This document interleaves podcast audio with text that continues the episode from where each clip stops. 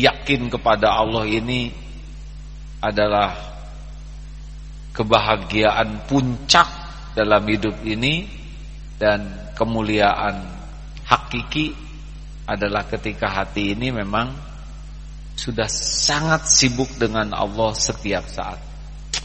Saya uh, bisa bicara begini karena membaca dan mendengar tentang teori ini dan sengaja disampaikan mudah-mudahan jadi cita-cita bagi saya pribadi dan juga jadi cita-cita bagi sahabat-sahabat sekalian untuk memohon kepada Allah untuk diberikan hidayah dalam bentuk ihsan menjadi orang yang beribadah kepada Allah seakan-akan dia melihat Allah kalau kita tidak melihat Allah karena memang tidak bisa melihat Allah dengan mata ini di dunia ini.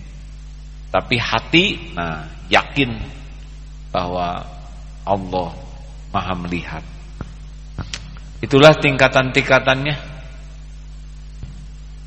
yang saya pelajari dan dapatkan sementara ini. Masya Allah. Surat lainnya surat Al-Baqarah 272 ini ayatnya pendek. Laisa 'alaika hudahum walakinallaha yahdi may yasha. Bukan kewajibanmu menjadikan mereka dapat petunjuk, tetapi Allah lah yang memberi petunjuk taufik kepada siapa yang dikehendakinya. Jadi ada yang nanya, kalau gitu untuk apa kita dakwah? Lah, kita berdakwah itu adalah perintah Allah perintah Allah. Selain kita menjadikan aktivitas kita ibadah, menjadi khalifah di dunia juga kita dakwah. Apakah dengan dakwah kita bisa membulak-balik hati orang? Itu membulak-balik hati itu hidayah dari Allah. Tapi kalau kita dakwah dijadikan jalan oleh Allah, orang lain dapat hidayah, kita dapat pahala. Jadi seperti maaf ya, sekarang saya berdakwah begini. Ini apakah langsung dapat pahala? Belum tentu. Kalau dakwah seperti ini ingin menunjukkan kesolehan diri, ingin menunjukkan tingkat keyakinan yang tinggi supaya orang-orang, wah ini udah ahli marifat nih. Kalau dengan ceramah begini ingin memamerkan keluasan ilmu, ingin memamerkan uh, ke kedalaman pengetahuan, dan Allah tahu ini ceramah itu cuma pamer, maka tidak ada pahala sama sekali. Walaupun orang mendengar, loh ada orang yang dapat e, hidayah lewat penceramah pada penceramahnya tidak diterima, bisa. Jangankan lewat penceramah, lewat orang yang tidak beragama saja kita bisa dapat ilmu. Nah makanya kalau kita berdakwah seperti ini urusan kita dalam dakwah itu adalah cuma satu, dakwah kita disukai Allah atau tidak, diterima tidak oleh Allah.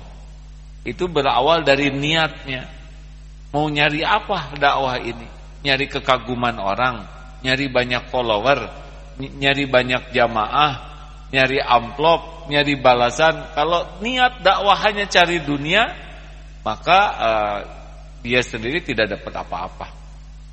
Nah mungkinkah uh, kita menjadi jalan kebaikan ke orang kalau kita tidak ikhlas? Kalau Allah mau mungkin saja, cuman kita tidak dapat pahalanya. Itulah sebabnya kenapa ada ulama yang bicaranya sedikit. Tapi aneh, bicaranya ini bertenaga sekali. Bisa membuat orang tersadar, bisa membuat orang menjadi tobat, tersungkur jadi taat. Padahal nasihatnya sederhana. Istighfar nah istighfar. Cuman begitu. Tapi benar-benar jadi tobat nah karena Allah tahu nih yang bicaranya tuh ikhlas. Bicaranya penuh kasih sayang. Bicaranya merindukan orang yang dinasehatinya selamat. Dan Allah tahu itu isi hati orang tersebut maka walaupun sederhana kata-katanya, sederhana dalilnya, sederhana nasihatnya, kalau Allah kehendaki berubah itu orang. Tapi kita sudah keluarkan semua dalil, kita pamerkan kepiawaian kita. Kalau Allah tidak menghendaki orang dapat hidayah lewat ceramah kita tidak. Oh, saya sudah memberi nasihat, dia tidak mau berubah. Tobat saja kitanya. Mungkin niatnya salah, mungkin caranya salah, tidak usah nyalahkan siapa pun. Karena yang membulak-balik hati adalah Allah Subhanahu wa taala. Jadi begitulah hadirin sekalian Kita tahu bahwa uh, hidayah itu milik Allah Dan ada satu hal yang sangat penting Kalau kita sekarang sudah dapat hidayah Belum tentu sampai mati Hidayah ini ada pada diri kita Itulah sebabnya salah satu doa yang sangat-sangat sering dibaca Rasulullah Sallallahu Alaihi Wasallam, Ya muqallibal qulub Duhai yang membulak-balik hati, Thabbit qalbi ala dinik. Tetapkan hati ini ya Allah dalam agamamu. Rabbana la tuzigh qulubana ba'da id hadaitana wa hab lana min ladunka rahmah innaka antal wahhab. Ini doa supaya jangan dicabut hidayah ini karena tidak aman ini kita ini. Sekarang kita rajin ke masjid cabut aja oleh Allah tidak mau tuh ke masjid. Kita rajin e, baca Quran cabut aja oleh Allah kesukaannya hilang tuh lebih suka pegang HP daripada pegang Quran. Kita senang bangun malam cabut oleh Allah pules saja.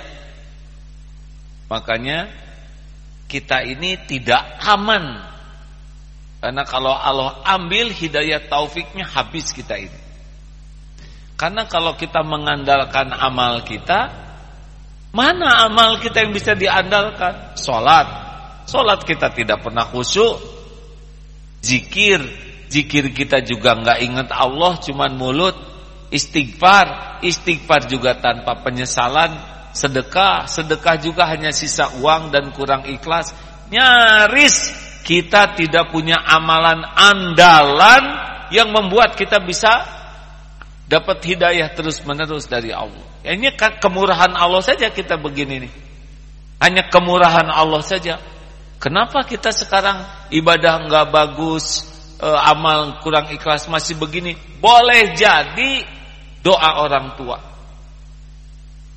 Jadi kita nggak ketolong sebetulnya oleh amal-amal kita, tapi Allah memberikan hidayah taufik kepada kita melimpah. Padahal nggak pantas ibadah kita tuh dapat dapat ganjaran karena nggak bagus, tapi doa orang tua kita disukai Allah sehingga bisa menjadi jalan kita dapat hidayah. Mungkin orang tua tangisannya luar biasa. Atau kita pernah menolong sesuatu, seseorang. Sederhana. Belanja harga 8 ribu dibayar 10 ribu. Tapi kita tidak menganggap itu sebuah kebaikan karena kecil cuma 2 ribu. Jadi itu kan amal yang paling besar di sisi Allah itu adalah amal yang kita rasakan tidak ada apa-apanya. Tapi kalau kita sudah kagum dengan amal kita, merasa kita sudah beramal besar, hebat, itu ciri amal yang tidak ada apa-apanya di sisi Allah. Tapi kita nolong orang, kita ngedoakan orang dengan tulus yang kita sendiri tidak merasa ini sebuah amal hebat. Tapi di sisi Allah dianggap hebat karena itu paling ikhlas.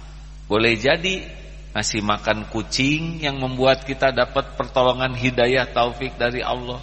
Mungkin membukakan pintu ketika ada orang tua yang mau masuk, kakek-kakek kita bukakan pintunya padahal tidak kita kenal. Masuk tuh kakek.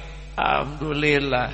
Jazakallah khair, Dek kakek doanya tulus kita ngebuka pintu kita merasa biasa saja nolong. Tapi itu boleh jadi yang mendatangkan hidayah taufik dibanding kita sedekah yang diposting itu dibanding dengan kita wah banyak berbuat yang mengibarkan nama sendiri.